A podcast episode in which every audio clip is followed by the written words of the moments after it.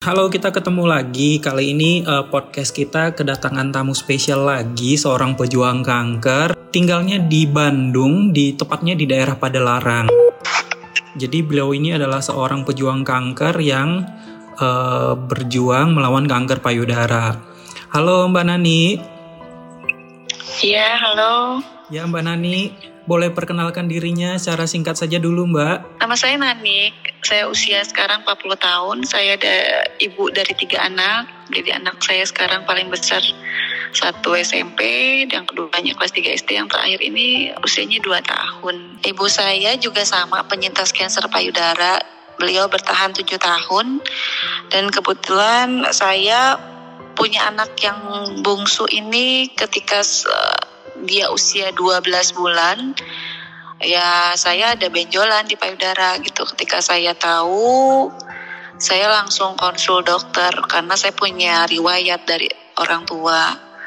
Akhirnya saya konsultasi katanya sih itu karena ASI karena penumpukan air susu ibu gitu. 18 bulan tapi benjolnya tambah besar gitu. Ini saya konsultasi lagi karena saya takutnya kok merasa nggak nyaman nggak nyaman aja di tangan di punggung ada rasa rasa yang nggak nyaman gitu. Akhirnya ya di PA kan hasilnya ya cancer juga sama gitu. Ya sama dengan ibu saya gitu ya. Berarti secara mental sudah siap dengan vonis kanker pada saat itu? Tidak. Tetap saya tidak drop. ya? Tetap tidak ya? Oke. Sekarang cerita gimana emosionalnya pada saat itu? Emosionalnya hari itu hasil PA keluar. Cuman kan saya tuh dapat dari dua dokter ketika di Sadanis katanya bukan bu ini bukan cancer ini ya air susu. Saya masih punya harapan ya tidak cancer. Karena saya tahu perjuangan ibu saya oh, berat banget waktu berjuang untuk cancer gitu. Jadi saya dan saya mengurus ibu saya semuanya gitu. Jadi saya yang konsultasi semuanya sama dokter. Jadi saya aduh jangan sampai saya kena gitu ya pikir saya begitu. Taunya pas saya harus bawa hasil PA dan saya membaca hasilnya karsinoma wah ya ya mau gimana dan anak saya gitu karena ibu saya uh, tidak kuat dalam waktu tujuh tahun jadi saya pikirannya aduh saya bakal mati saya bakal mati gitu ya ibaratnya saya dropnya lumayan lah dua bulan saya drop Padahal sebelumnya uh. seorang caregiver ya. Iya. Tapi ini kasus seperti itu ternyata drop juga.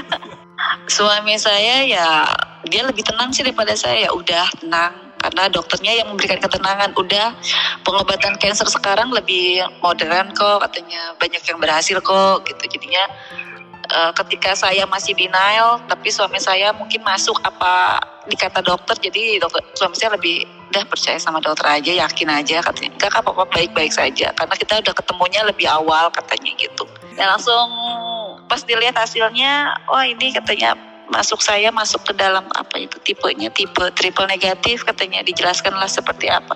Ini langsung kemo aja dengan segera ya langsung kemo saat itu juga. Saya kemo enam kali uh, langsung setelah kemo kita jeda dulu satu bulan karena lagi covid jadi menunggu jadwal operasi. Saya baru operasi kemarin Oktober. Kemo pertama seperti apa? Seperti neraka atau seperti setengah neraka takut sekali itu.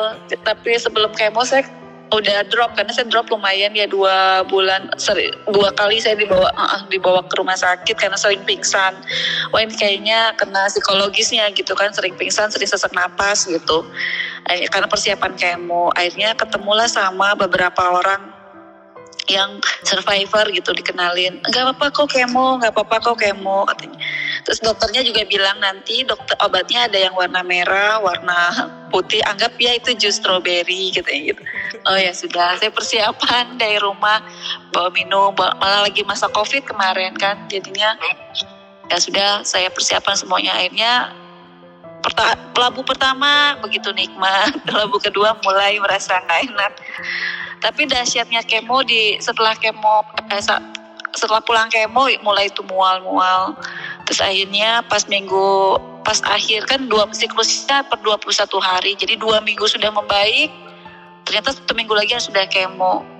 Itu rambut sudah rontok semua makan juga udah gak mau. Nah kemo kedua baru saya kena gangguan batuk tuh lumayan takutnya covid katanya taunya bukan. Jadi mungkin uh, entah apa ya mungkin atau efek sampingnya karena ada sariawan. Katanya beda-beda katanya ya beda-beda tiap orang gitu. Akhirnya ya alhamdulillahnya perawat-perawatnya support semuanya.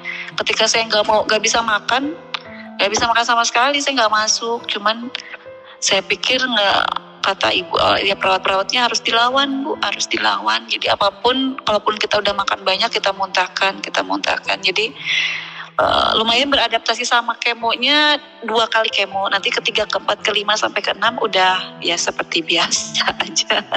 Ya saya dikasih susternya kasih nutrikan jadi setelah kemo ke tiga yang ketiga ketiga kata susternya ibu coba minum susu karena kita nggak boleh turun berat badan terlalu banyak karena obat dosis nanti obat juga dosisnya menyesuaikan berat badan terus kita kalau mau kemo HB juga nggak boleh turun katanya gitu. Saya sempat tuh mau turun tuh sepu, di 10 itu udah wanti-wanti.